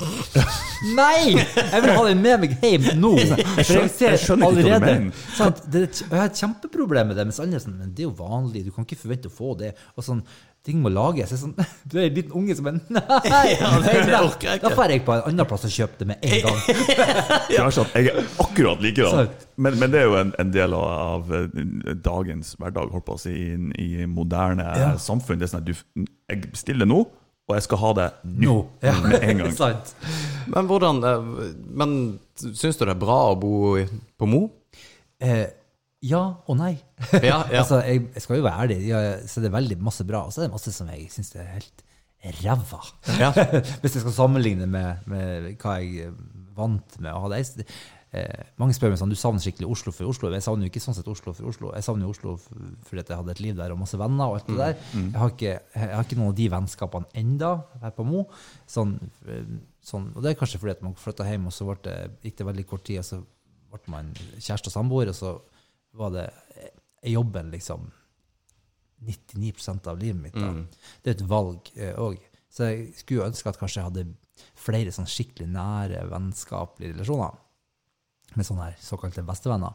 Eh, Men dem er jeg fortsatt der nede. Og, men så er det jo mange ting jeg irriterer meg over. Og det er sånn her Jeg elsker å si det, for folk blir sånn Ja, men sånn er de bare her. Så jeg, men det må vi slutte med. At det skal være sånn her, liksom. Ja. Eh, Og det er mange sånne småting. Jeg synes liksom folk er veldig opp, flink, folk er flinke til å ha lyst at vi skal være en by, og så når det kommer til stykket, så vil du ikke, så vil du ikke gjøre den jobben det kreves. Vi skal være en by. Sånn, folk eh, gjør, går for lite ut, og folk Ja. er for lite sosiale, og folk tar for lite vare på byen sin. sånn sett da. Men du skal jo ha alt der, men, eh, men så skal du ikke ha det. Ja. Og bygger du et nytt leilighetsbygg, så er det at det, å nei, det er ferdig den parkeringsplassen. liksom. Kan du ikke prøve å være litt positiv til at det skjer ting? at det Jeg er så jævlig enig. Jeg er så sjukt enig. Ja. Det, det, det er mye snakk om at ja, vi må ha byliv og bla, bla, bla. Men det er jo for faen meg ingen som er ute i byen. Nei. Det er ingen som er ute. Jeg hørte eh, digresjon nå når vi snakker om byutvikling og greier, men jeg, jeg hørte har en venninne som også er politiker, og hun uh, snakka med en eh, byutvikler fra Stockholm. Han sa at eh, Og det, det har jeg aldri tenkt på, men gatene på Mo er altfor store. De er altfor, altfor store. Du trenger mm. friksjon. For han ser sånn som gamle stan i, i Det er jo bitte lite, og folk går jo oppå hverandre. liksom. Ja, og det er liksom kjempebra. Nei, jeg er helt enig i det der å, å bruke byen. Jeg merker jeg er for dårlig på det sjøl. og skulle ønske det som jeg gjorde det, men jeg har et par venner som er sjukt flinke her i byen til Mm. å gjøre det. Altså når det er festivaler, og at de går ut og jeg synes det jo Vi var jo på lanseringa til, uh, eh, til Jon Erik. Ja, Jon Erik og faen het Norsk Jærverk? ja, eh, ja, herregud. Uh, brainfart. Uh, og det var jo fantastisk. Det var dritkult. Jeg fikk helt sjokk. Det var liksom ah, Dette her er litt sånn der gå, Litt sånn underground, nesten litt sånn blå-feeling. Fordi at det var i Oslo. Fordi at det var liksom konsert, og det var litt kule folk der. Og det var liksom Jeg tror gjennomsnittsalderen var 32, og det syns jeg var helt fantastisk. For det er jo For det, det finner du ikke. Nei, det er akkurat det. Og det, så, så jeg tenker det er et par kule folk her, og det, og det er jo også fordi at vi starta podkasten her og på en måte fremmer folk som er, som er kule, og som på en måte har lyst til å gjøre noe med byen. Og alle vi har prata med, har lyst til det. Alle vi på en måte har snakka om det, er veldig gira på at denne byen skal bli kul å være i. Og, og hvordan du kommer dit, er jo, det, det er jo ikke et, det er jo ikke ett svar til det, selvfølgelig. Men det der med byutvikling, næringsutvikling, det er viktig. Folk som der som faktisk tør å gjøre det. Og folk som Haaland, som faktisk legger til rette for at man kan gjøre det. Ikke minst. Det er viktig at det blir lagt til rette for. Men jeg er jo så enig i det at det er veldig mye Jeg synes jo det er veldig mye folk Og det er jo sånn Mange kan godt si at det er sånn hard kjerne som gjør veldig mye i byen. Og takk Gud for den harde kjerna. da. Tenk på sånn på kultursida, f.eks. med Kulturhuset eller teatret eller ting som skjer. og Det skjer sånne ting også. Eh, Så er det jo selvfølgelig mange folk som går igjen hele tida, at de hele tida prøver å dra i gang nye ting. Mm. Og tenker Gud, hva har vi gjort hvis de ikke var der? Ikke sant? Eh, Og så får de kritikk for ja, de har for mye makt og Ja, bla, bla, bla. ja. Bare, ja, igjen, hvis de ikke har vært der? Da hadde jo ikke vært noen ting. Skal, da skal vi være Mo for 20 år siden, liksom. sant. Hva er greia? Men jeg syns det var bra det du nevnte om um, det her med at gaten er for stor. For det, når jeg tenker meg om, så, så er jeg helt enig der. Jeg, var, jeg har jo vært i Dublin og, og litt sånt, og Dublin er jo en svær by. Men det var bitte små mm. altså, du, du fikk en småbyfeeling av hele opplegget. Og samme med um, San Francisco, når jeg var der. Det, det, du oppfatter det nesten som en småby. Og det er jo alt annet enn det, ikke sant? Um, ja. Skal det bli Pride-tog eh, neste uke? Eh, Det blir jo ikke det her, da. Blir ikke det? Altså, eh, Priden på Mo har vel lagt seg på uh, tradisjonen som arrangerer i september. Å ja. Ja. Så det er vel i september. Hvis ikke, nå så jeg i dag, jeg ikke så, jeg må ikke, jeg må innrømme at jeg gikk sånn her helt inne i det, men jeg så at i år så skulle de Pride, Havmannjubileet og um, Havmannjubileet Havmannjubileum og det sa jeg, og hva det var en ting til, tre ting som skulle samarbeide. Okay.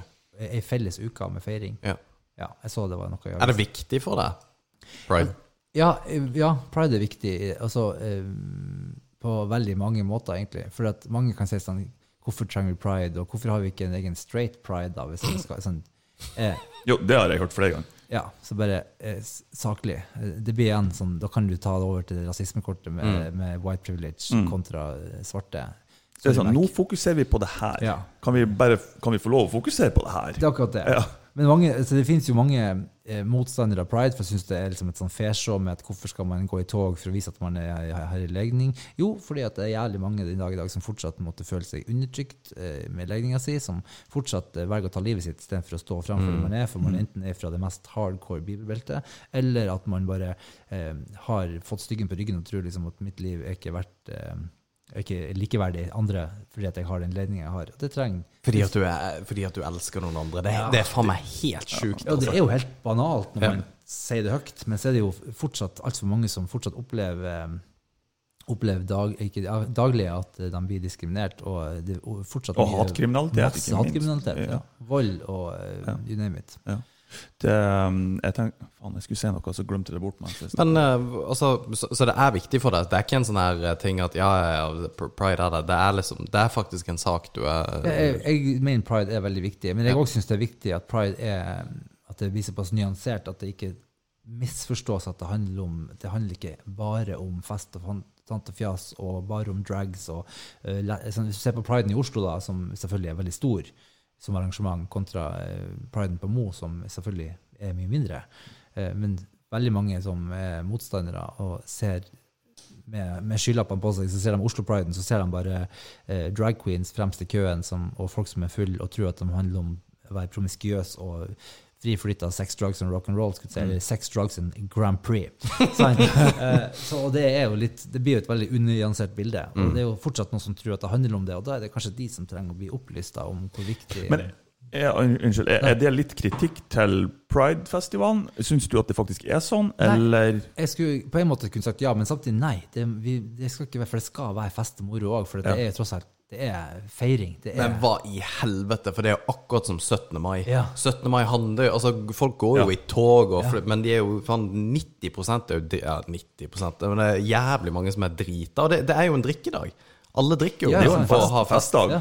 Men det er jo ikke derfor vi går i tog på 17. mai. Det er liksom nei, det er jo, vi feirer jo noe helt annet. Ja, ja nettopp. Og det, og det tenker jeg at det må, altså, det må folk tåle. Ja. For jeg, jeg fikk faktisk en eh, Og jeg, det er ikke det at jeg ikke Det er mange som tar kontakt med meg, men eh, det var, det var en som hadde fått med seg at vi skulle ha det på. Og så hadde han eh, sagt et eller annet om at eh, det, jeg, jeg, jeg gadd ikke lese det, for det var noe sånn homofiendtlig. Oh, ja. og, og det trigga meg noe helt ekstremt. Og du blir nysgjerrig hva det var, liksom. Ja. ja, nei, ja, fordi at jeg bare Altså, hvorfor Jeg, jeg fatter ikke hvorfor folk bryr seg. Jeg, jeg fatter ikke Jeg hadde en kompis, en ganske god kompis, som var, som var homofob. Ganske ekstremt, liksom. Så hadde, tenk- hadde stikkordet her? Hadde ja, ja, ja, ja. Han er ikke død, men jeg, jeg Han er heller ikke død. ja. Men jeg, jeg, fatter ikke på en måte hva som skjer i hodet ditt med at Og da, da tenker jeg selvfølgelig det der klassiske at da er du sikkert deg sjøl, og så prøver du å fortrenge det. Men Sant. Hvis du ikke er det, hvorfor i faen skulle du bry deg? Hvorfor i helvete skal du bry deg? Eh, Og, og det, det, er så langt ifra min fatning at det Men jeg, jeg- tror det er folk som, som har et behov for eh, Rett og slett et, et behov for oppmerksomhet, og ikke får den oppmerksomheten de eh, trenger. Eh, om det er i livet sitt generelt. Noe, noe litt sånn overordna, selvfølgelig. Men eh, jeg syns det var en jævlig god sammenligning. Så det en eller annen plass på nett, det her med Black Lives Matter. Og, og liksom, ja, men all lives matter. Ja, greit. Men vi fokuserer på det her. Nå er det det her som er utfordring. La oss fokusere på det her. Og sammenligninga var litt det at du er i en begravelse til kompisen din, og mora hans har dødd. Og så stiller du deg opp og sier Ja, men mora mi har òg dødd. Ja. Ja, men det er ikke det vi fokuserer på akkurat nå. Nei, sant. Ikke sant? Det her er utfordringa nå, det her er det som er kjipt akkurat nå. Nå fokuserer vi på det, og så kan vi ta det en annen dag. Det, Opplever du at det er mange unge som kommer til deg og eh, sliter med akkurat det? Jeg er jo glad ikke det er mange. Jeg har jo opplevd at det er folk som har kommet Eller det var jo også en sånn greie som faktisk var sånn veldig positivt etter at vi gjorde Homsepatruljen på TV. Så fikk man jo veldig mye sånn Siden man var på TV, så kom det jo mye sånn meldinger på Instagram og Facebook og, ja, og på telefon om folk som hadde liksom både takka for at vi var på TV og var liksom Speak my case, liksom. Men òg hadde liksom spørsmål og hvordan syns du jeg skal gjøre det, og hvordan skal jeg komme ut og skape de og litt sånne ting. Men det er også veldig, jeg vet jo at det er mange som sitter og har liksom eh, har det jævlig kjipt med den legninga de har, fordi at de føler at nei, jeg kan ikke komme ut av skapet. Eh, og det syns jeg er tøft. Jeg vet ikke, jeg kan ikke, jeg kan ikke, jeg har ikke, jeg har ikke faglig tyngde til å si som akkurat det her skal gjøre. Begynn med å prate med liksom, eh, Ta gjerne kontakt med helsesøster hvis du er så ung at du er på skolen, eller andre du står med nær som på en måte kan, eh, kan hjelpe deg, liksom. Men det, det gjelder jo det å åpne seg, kanskje. Bare ja, det. det prate jo, om bare det. tørre å si det høyt, liksom. Ja, ja. Eh, Jeg tror liksom at det, jeg håper og tror at det er mye lettere og skal være mer takhøyde i dag enn det var før. Mm. Men vi, har jo, vi ser jo det hele tida. Det er jo så mye hat. eh, Vi er jo ikke der ennå. Ikke i det hele tatt på noen områder, om det gjelder legning eller i forhold til rasisme, eller om det gjelder you name it, så er det jo fortsatt eh, Det flommer jo over av hatkommentarer. Gjør det det her i byen? Det, det, det vet, altså, Tenkte du i forhold til homofili? Ja. Nei, det, altså, som sagt, jeg står jo ikke på barrikadene og på en måte veier med prideflagget 24-7. Nei, nei, nei, men og blir altså, på ja. sånn spokesperson, sånn sett, så jeg, jeg får jo heller ikke masse sånn Hvis du er på byen med kjæresten eller Nei, et eller annet. vet du, nei, og det er det som er For jeg har jo samboer og eh, kjæreste, og han er jo en kjekk fyr, eh, og eh, det er jo jeg glad for. Men der har jeg opplevd liksom, liksom litt motsatt, at på byen så det har nesten vært litt sånn irriterende noen gang at, eh, at eh, andre gutter tror liksom at, eh, at siden vi er homo, så er det, kan de liksom bare eh, komme og kødde og være med på leken. Altså sånn, hvis du skjønner hva jeg mener. Sånn, eh, nesten sånn her eh, Ja, jeg kunne godt tenkt meg å ha til trekant i dag, og dere er sikkert med på det. det er sånn her, Ja. så sånn, ok, det, takk, for, takk, for, takk for komplimentet, liksom. Men er ikke- Sosialt awkward. ja, men det er ikke et kompliment heller, for det er sånn, du bare, bare fordi at jeg er homo, så tror jeg at vi er sånn her utrolig altså Alt er så fritt og Ja, hva er det med det, egentlig? Det er liksom men ja, for jeg har litt den oppfatninga, jeg òg. Ikke av dem som er homo, men Nei. av, miljø, av dem som er straight, rett og slett. Ja. At det å være homo er liksom litt synonymt med seksualitet.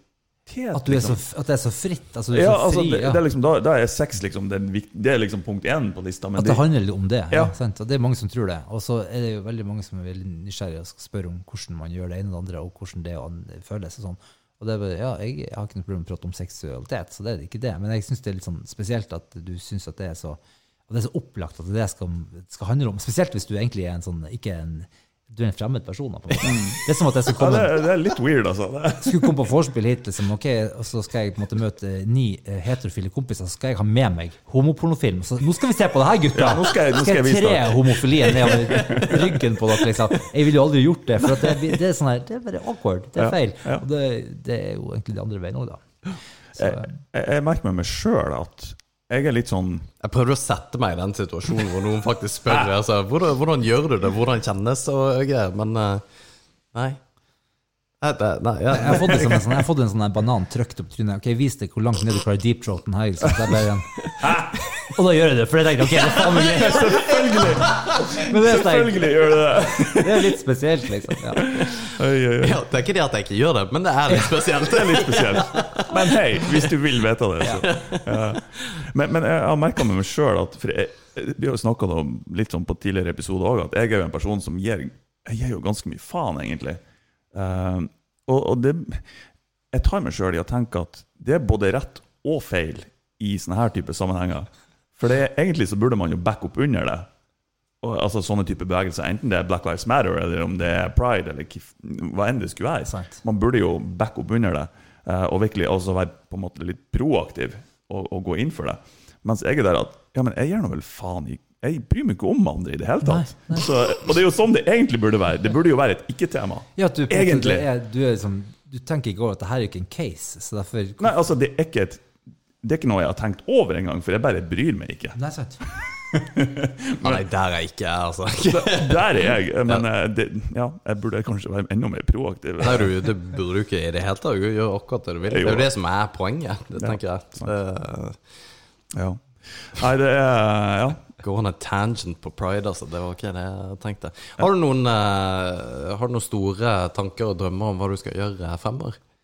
Resten av livet-tankene, liksom. Nei, nei, det blir for stort. Men uh, Hvor er du om fem år? ja, Det, det lurer jeg på. For du, har- du har jo mye talent, så du har jo gjort mye. Og du har sagt at du syns det var veldig gøy å jobbe på TV. Og du har også sagt at det er, det er jo mye muligheter her i byen til å kunne gjøre ting. Altså, Altså, jeg har jo tatt opp liksom, den musikalske biten av meg òg mye mer. Altså, jeg har jo så mye rar, gjort så mye rart, ikke rart, men jeg, har, jeg gikk jo på Borderakademiet. Derfor jeg dro til Oslo først. Jeg begynte på liksom, Borderskolen og liksom, på talentskolen der. Eh, og gikk eh, sang eh, der, da. Og så, da skulle jeg jo bli popstjerne. var jo tanken. har du noensinne vært på audition til Idol? Nei. Jeg, var, jeg, var Her er det en historie. jeg var i 2003 sammen med Kurt Nilsen. Når jeg var i Jeg var i 2004. Der, Har du vært Kødder du med meg?! Det var, var eksen min som, eh, som eh, meldte meg på. Da skulle jeg eh, synge I Wanna Rock med Twisted Sister. Du kan jo ikke synge et sekund! Nei, nei, nei, det var jo bare for fun. Ja, okay, Men det ja. ja, Nei, var i 2003 Jeg var, Kurt, ja. jeg var samme året, og det gikk ikke så veldig bra. Jeg gikk i sånn ett jeg husker ikke, jeg gikk videre første gangen. Altså, jeg ble så sint fra en Jan Fredrik Karlsen var så positiv første gangen, og så var han så kjip andre gangen. Så var det sånn her Fuck you, det her er bare TV, liksom. Du skal bare være drittsekk på TV. Mm. Men det var jo en sånn forsvarsmekanisme for at man var vondbråten. For at man ikke gikk Det er videre. klart. Men eh, nei, så jeg hadde Ok. Fuck you, jeg har ikke bruk for deg. Bare, eh, bare vent til jeg kommer tilbake om ti år. Er liksom. I'm show you. In your face. Ja, men du dro dit for um, det musikalske Ja, karriere, da. og så skjønte jeg, og jeg, det er kult, for jeg har jo en far som er lydtekniker og musiker, så han er jo som, har vært liksom uh, eh, ENK, eh, enmannsforetak, hele livet. Aldri, han har vært ansatt da, som på båtfabrikk på 80-tallet, men han har jobba i eget firma alltid. Sant? Så han sa sånn her, og han er musiker og har vært mye på veien, og liksom sa bare ok, du, kult at du satser på musikken, men vær så snill, liksom, få deg i sånn, For jeg snakka om at jeg har lyst til å bli frisør. Så han bare åh ja, ta en håndverksutdannelse, liksom, så har du så har du et, så har du et yrkesfag som du Ja. kan bruke, liksom. Og så kan musikken ta deg akkurat dit den må ta deg, liksom. Mm. Og det er jeg jo glad for, for jeg har jo masse av de som jeg gikk på skolen med, noen har gjort det veldig bra, og veldig mange har vært sånn struggling artist i 20 år, liksom. Og, og det, jeg tenkte, det ligger ikke i mitt DNA å være den personen, sånn jeg så fra hånd til munn-personen. Så det, det, jeg er glad for at jeg ikke satsa sånn. Men hadde jo en sånn kjempedrøm om at rett person skulle se meg til rett tid, og plutselig skulle man bare ta helt av da. Mm. Ja, det er jo ikke over. Nei, og jeg gjorde dritmye. Jeg har gjort dødsmange gøy. Masse kule ting som Du har jo spilt på Bakeribyggfestivalen. Ja, det hadde vi jo her. Det, det var jo litt poenget at jeg kom hjem, og så var det jo, kom man i kontakt med kule folk som gjør ting, og det er kort vei til, eh, fra idé til å gjøre ting. Ja. Så vi skal gjøre, eh, så jeg har gjort eh, sånn, møtt en Thomas Langvann, som er jævlig god på piano, og har vært mange år i Oslo han òg, kom hjem og å- han tok med meg i Grooven-konseptet deres, og så gjorde vi det Bakeribyggfestivalen, og Gild eh, Larsdotter, og skal gjøre litt mer ting. Vi har litt planer på Vinterlys neste år, er kult. Hva gjør du for noe? I Jeg synger, liksom. Ja, jeg, riktig. må- jeg må synge. Ja. Ja, jeg kan ikke spille noe instrument. Jeg begynte å skulle lære meg gitar, og pappa skulle lære meg, men så er jeg venstrehendt, og så syntes han det var vanskelig å lære meg på min vei, og så synes jeg det var vanskelig å, lære det rett vei. Så jeg bare ga opp, og så ble det ikke noe mer. Dessverre. Jeg skulle ønske jeg gjorde det. Men, eh, The struggle is real. ja. Men det som, altså, jeg har jo gjort så mye gærne ting med den biten òg. Jeg, har sånn, eh, jeg var jo korist for Carola en periode. Liksom. Det er jo kjempegøy å tenke på i dag. For det er sånn Hun er jo helt psyko i hodet. Jeg vet det, hun er det, sånn, snakk om bibelbelte, liksom. Men det var sånn her eh, Jeg husker jeg syntes hun var så jævlig fin. ja. Men hun er psyko i hodet. Nei, nå kødder. Du, du, du dro henne litt langt, men hun var jo litt spesiell. Her var jo hun Carola hører på. Ha? Carola hører på. Ja. Hei, hei. Eh, Nei, det var, hei var jo tilbake i 2001, når hun eh, kom, liksom, hun skulle gi ut et popalbum som floppa helt, da, for det første. Og så var det TV-aksjonen. Hun hadde masse TV-jobber i Norge, så vi trengte hun liksom noen korister som kunne Hun hadde en fast korist som het Maria, som var med, så trengte hun to uh, korister i Norge. da. Så var jeg en som het Marvin, som jeg gikk på skolen med, som uh, sånn dritkjekk mulatt som uh, Ja, jeg skjønner godt at han jeg skjønte ikke hvorfor hun ble meg, for jeg var jo ikke noe fin i det hele tatt. Men, eh, men jeg sang noe bra nok, da. Men vi gjorde masse sånne ting, eh, TV-jobber og events-ting og sånn. Og masse sånn. Og korer. Eh, Så jeg har jo lært meg masse liksom, korarrangement på Carola-låter som jeg aldri har fått bruk for. Men jeg tar meg selv, når jeg hører enkelte låter, så bare tar jeg meg og legger på korstemmen. Så jeg, det har jeg lært meg, liksom. Men du kan ha det på CV-en likevel. Ja, jeg har sagt det noen ganger. Jeg husker jeg at liksom, folk sier ja, hva er det kuleste du har gjort? Så jeg kan ikke si det. Jeg kan ikke si Carola, det blir helt dølt. Men det var jo jævlig kult. Jeg syns det er sånn- innafor, jeg, altså. for det var mye gøy. Og så var jeg i Grimstad i tre måneder, gjorde Jesus Christ Superstar på Agder Teater. Det var dødsfett, liksom.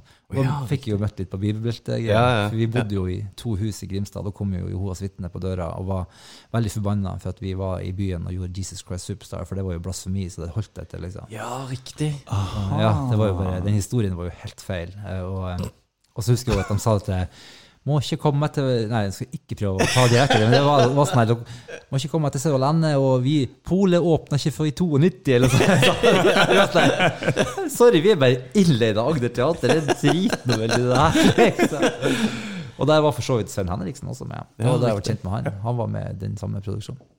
Men eh, ja, har du noen andre topper som, eh, som vokalist? Som var gøy å gjøre. Ja. Nei, det var det.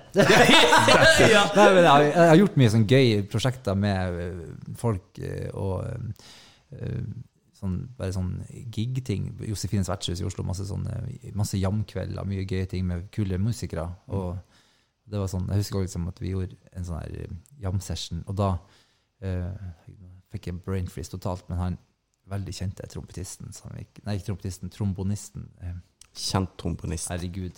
Det er ikke Nei, men han het- eh, han er sånn jazz, kjempe sånn jazzkjendis. Oh, ja. Nei, nå ble det sånn her «Ui», Der døde det poenget. Jeg, jeg, visste, ja, jeg visste ikke at det var han før vi var ferdige. Så folk, å, du stått på scenen med han? Så bare Han hvem? Det var han kjent, liksom. Ja. Eh, Men whatever. ja, men Det er jo egentlig det beste, da. Og han har vært masse sånn her kapellmester på NRK. På Stjernekamp blant annet, så har han vært innleid sånn, sånn, de har hatt sånne storbandting, så har han vært uh, under ledelse av Han. han. Han. Ja, også, men jeg, har gjort, jeg gjør gøye ting hjemme nå, og det syns jeg er kjempeartig med Thomas og Gild og bak- Bakeribygget. Så jeg har vært på Meiergården og gjort julebordshow. Skal forhåpentligvis ja, gjøre det i år òg. Julebordshow som i musikk, eller som i andre ting? Julebordshow som musikk. Musikk, ja. ja. Så nå gjorde vi jo i fjor, da med Tor Petter Aanes og meg og Anna-Anita eh, og eh, bra band og masse gøy. Du gjør jo utrolig mye, da. Det er Ikke sånn vi kunne gjøre mer, litt mer, men det er veldig gøy. Men, ja, men, det der er en greie, for, for alle dem vi har snakka med, de, de snakker ned om seg sjøl på sånne her ting. Oh, ja. Det, det, er- det er rart med det, altså. Men For du vil gjøre mer? Ja, jeg er helt enig. Jeg vil gjøre masse mer. Ja, hva, hva da? Nei, mer, eh, masse mer musikk. Jeg var sånn der jeg, jeg så bare sånn, Vi skal jo, vi prata med Wenche Bakken på teatret om det vinterlys. Eller, for det var, Vi gjorde sånn her, en konsert på det her digitalscenen når det var corona, corona times. ja, Mm. Det er det, Også- det er nå. Ja, det er faktisk. Men det er liksom ikke så shutdown som det var da. Og da eh, fikk jeg melding at ok, kult, det hadde vært gøy hvis dere kunne gjort noe på vinterlys. Så jeg la oss prate om det. Og så kom jo vinterlys nå, da. De annonserte at 2021-temaet er kjærlighet. Så jeg bare sendte Wenche Bakken en melding med en gang. liksom sånn, åh, jeg har masse ideer. Og så fikk jeg bare et sånn deilig melding tilbake. Nei, men jeg har allerede tenkt at uh, Gild og Alex uh, og Vinterlys, at det er dere liksom, i tankene mine. Så kjente jeg, så jeg håper du hører på Wenche Bakken, at vi er veldig glad for det. Så bra. Hvis du, hvis du har tenkt at ditch oss, så nå kan du ikke gjøre det. For nå har jeg sagt at Ja, ja, ja. Dere booka. Ja, eller? ja. Ja, jeg skal ja, masse forestillinger. Men det er jo det, ja, for det, å, det er så kult med folk som har lyst til å gjøre veldig mye. Ja. Og da har du jo et veldig giv. Og altså, det, det er det der med å holde fast på um, at ja, vi bor i en liten by, men mulighetene er der, og muligheten kan tas Sant. hvis vi på en måte bare gjør det. Og det, Ja. det syns jeg er så ekstremt viktig, og man skal kultivere også ildsjeler som deg sjøl for å faktisk gjøre det og ha lyst til det. Men det som er problemet faktisk når man har flere ting, altså når man liker å holde på med forskjellige ting, da, for det har jeg opplevd før, og det begynte jeg å merke etter TV, det var det at jeg hadde jo veldig lyst til å gjøre masse ting. Og så opplevde jeg så mange ganger at folk trodde automatisk at hvis jeg ville bidra med noe, så var jeg frisøren. Ok, ja, men hva tenkte du noen sånne hårgreier da? Så jeg sånn, nei, nei, nei, ikke nødvendigvis det. Og det har jeg opplevd når jeg kom hjem også, for jeg er jo veldig sånn, jeg er jo veldig frisør, og jeg skjønner jo godt at det er det man blir um, profilert som. Assosiert med, liksom. Veldig. Ja. At liksom, så hvis jeg har eh, noen som jeg som forklarer at nei, men det må ikke, må ikke handle om det. Det kan godt være jeg har lyst til å gjøre det, jeg har lyst til å gjøre det. Eh, og det er jo det som jeg skulle jo noen ganger ønska at det hadde vært lettere hvis man var sånn her. Man hadde liksom den ene greia si som man eh, det her, her er veien min. Og så har jeg jo dessverre 7000 stier jeg har lyst til å trå på. Ja. Noen ganger så må man jo bare Men det, det kjenner jeg meg igjen i, og jeg, jeg tenker at det der, eh, det der knallharde fokuset, det er vanskelig. Um, for, for min del også. Ja, det er vanskelig for alle. Eh, Ja, så har du Rolf Einar da, på andre sida, Ja. som bare har laserfokus på det han skal få Det imponerer meg med sånn. Ja, ja, ja, Det er så jævlig bra. Men så skal man ikke undervurdere det heller, for det, det krever garantert masse jobb fra Rolf Einars side òg å ha det fokuset. Jo, men jeg, tror- jeg tror det kommer veldig naturlig også. Tror du det? Og, ja, ja, det, det, det er jeg 100 sikker på, for han sa det jo sjøl. Du så det jo på han han snakka om. Mm. Han må ha et, på en måte et konkret mål. Men jeg tenker at man, man må Takk Gud for at vi er litt forskjellige, da. At det er mye forskjellige folk oh, ja. som har på en måte lyst til å gjøre forskjellige ting, og, og gjøre ting på en annen måte. på, dere skal gjøre det ultraløpgreiene. Og det er sånn, Jeg hører dem si det. ja. Og så eh, jeg så du sa i episoden og liksom, liksom, at okay, du er blitt tjukk, så du må liksom Du begynte at du måtte gjøre noe med kroppen din, og så, så var det liksom løping som er sånn drittungt. Ja, det er noe og dritkjedelig. ja, jeg, jeg med, jeg er med deg, for å si det sånn. Så, Det er helt Da skjønner jeg jo mye bedre at jeg holder på med, altså, holder på med kampsport som er eksplosivt og Det er jo artig. Men Ja. det som er greia med Og folk kommer til å være så dritlei at jeg sier dette, men det, det er det der med Én ting som trigger meg veldig, er på en måte å, å greie å pushe seg til man ikke på en måte tenker at man greier noe mer. Og at man er så langt nede at alt suger. Alt gjør vondt, og du har ikke noe lyst til å på en måte gå videre, men så gjør du det. Jeg elsker den følelsen med å faktisk gjøre det. Fordi at det, hvordan Kan du være så snill og si hvordan du finner den der biten, for den trenger man Jo, men ja, jo, jo, men, men, men det, For det, det som er greia, at det krever jo ingenting. Det krever ingenting enn at du bare bestemmer deg. Fordi at det er ikke det har, altså, Og du har jo bevist det her òg, for du har vært langt Du nede, Du, du har jo gjort det sjøl. Du, du er faen meg Ja, det er jo det som er kjipt med det. Jeg hadde, ja, for det er jo det. Hadde jeg ikke gjort det, så kunne jeg bare sagt okay, nei, jeg I don't skjønner know. Ja, ja. Men jeg, jeg, er, så, jeg, er, jeg er på de sida, for å si det sånn. Så, så, men det, det som er artig, og, og som vi har snakka om i tidligere episoder òg, er at jeg er der Alex er, jeg òg, men jeg forbeholder meg retten til å være sykt negativ og pessimistisk i forkant. Men det Ja, det, det, det er jo pissekjedelig å løpe. Altså, det er helt, Ja, er ekstremt helt kjedelig. Men, uh, Men nå er jeg med. Nå, nå skal vi gjøre det. Jeg, altså, Men jeg har lyst til å få deg med, fordi at du, når du har gått fra Når du har, når du har så mye Altså du vet vet du har kapasitet Ja, til og det. jeg, og jeg vet jo, jeg syns det var gøy òg, det er det som er kjipt. Altså, det var jo det første jeg fikk høre når vi begynte, var sånn ja, du, for de kartla jo hvilken type personlighet du er. Vi var på Nimi jeg husker jeg, på Ullevål og fikk en sånn skikkelig ja, fysiologisk gjennomgang. Og da var det liksom her som var sånn Ok, nei, du passer til høyeksplosive ting. Du, du burde blitt kulestøter, liksom. Og du passer jo ikke etter å bli langdistanseløper. For, å si sånn, jeg bare, Å nei, det var jo bra. Ja. jeg var jo?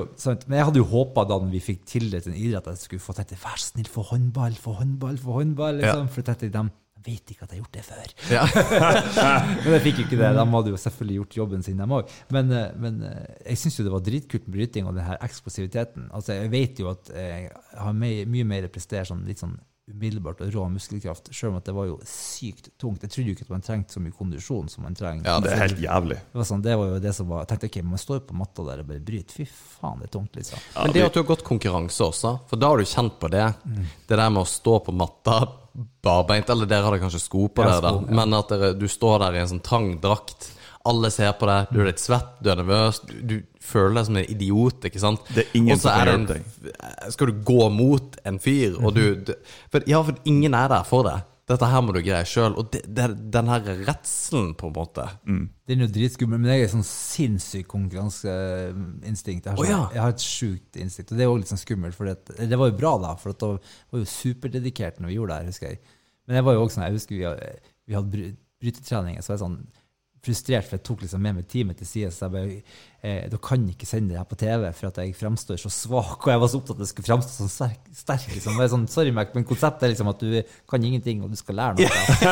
Men jeg var sånn, jeg ville rett opp dit, vente i tre måneder for å begynne å filme meg, liksom, for jeg innså jo hvor jævlig dårlig jeg var. Det fikk skikkelig psykisk knekt. Bare, det går ikke, for jeg hadde ikke sjans. Jeg, altså, jeg sleit jo med Jeg tenkte, jeg fikk sånn til sånn her eh, Ine Bratli, som er hun har vært verdensmester mange ganger, bryter.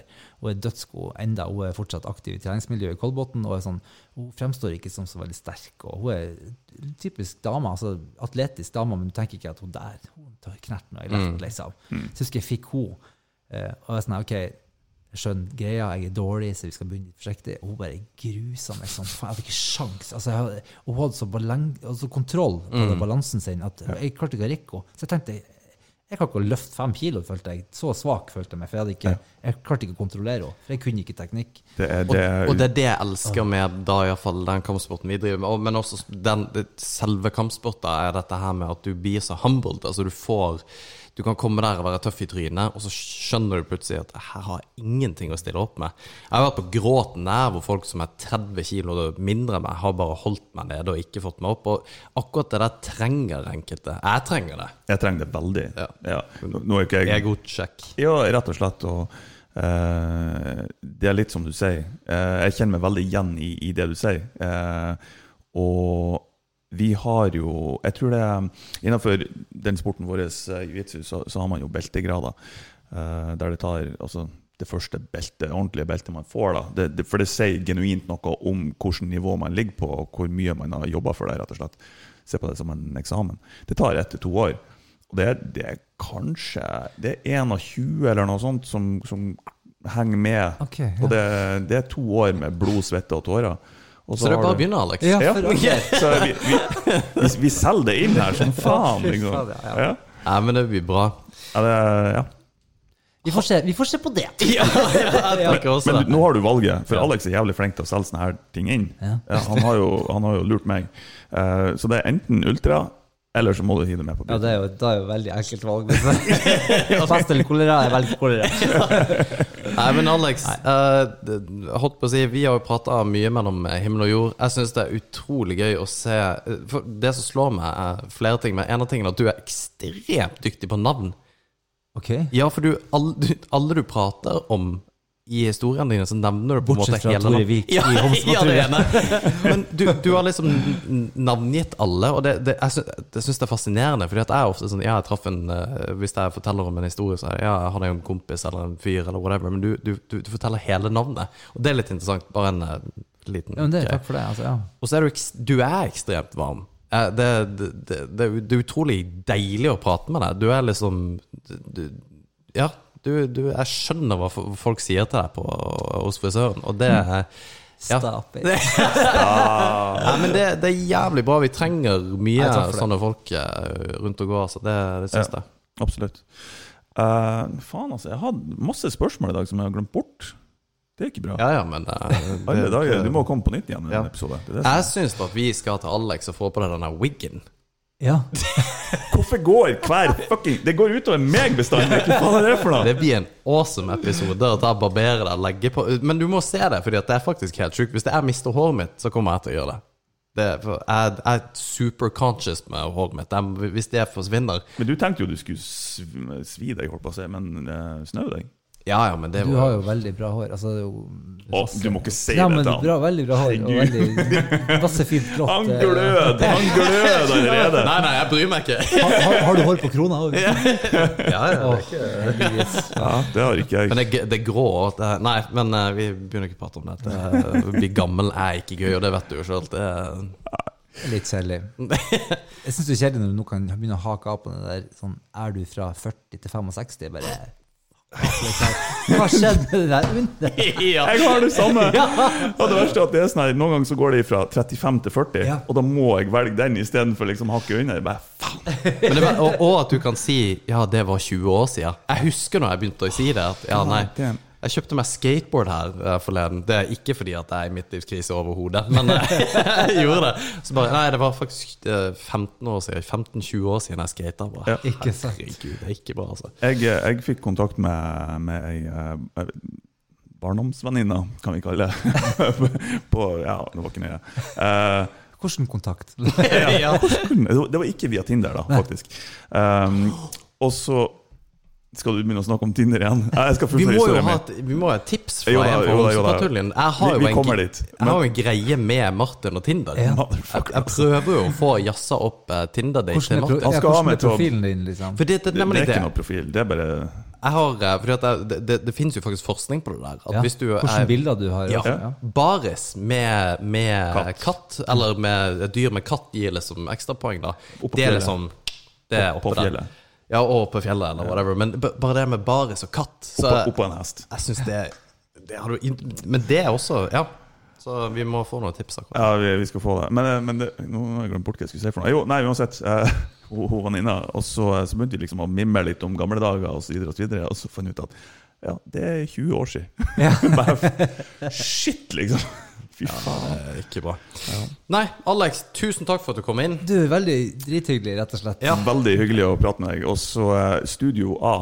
Studio A is the place. Ja, Vil du uh, droppe litt uh, i forhold til om det er noen konserter som skjer, om det er noe som du er med i? Som du Jeg kan droppe litt. Jeg skal reklamere for han. Eh, nå har folk vært eh, inne i uh, koronatiden og i karantene og isolasjon og gud vet hva faen. Så til helvete og kom dere ut og klipp håret. Ja. og så drar dere til Studio A. Det det Og det, og det gjør de jo allerede. De, er, de får masse herlige besøk. Så Ah, og så er det litt lite som skjer ellers, men, men jeg tenkte jeg vil bare si at okay, nå, vi får ikke noe utenlandsturer, vi får ikke dessverre noe Verke eller Parken i Bodø eller you name it. Så på en måte vær liksom litt helgefestivalmodus. Lag litt festival i hagen, Ja. Drikke øl og si at livet er fantastisk. Fantastisk. Love it. Herlig. Konge, takk for at du kom innom. Takk for at vi kom. Ha det bra. Ha det.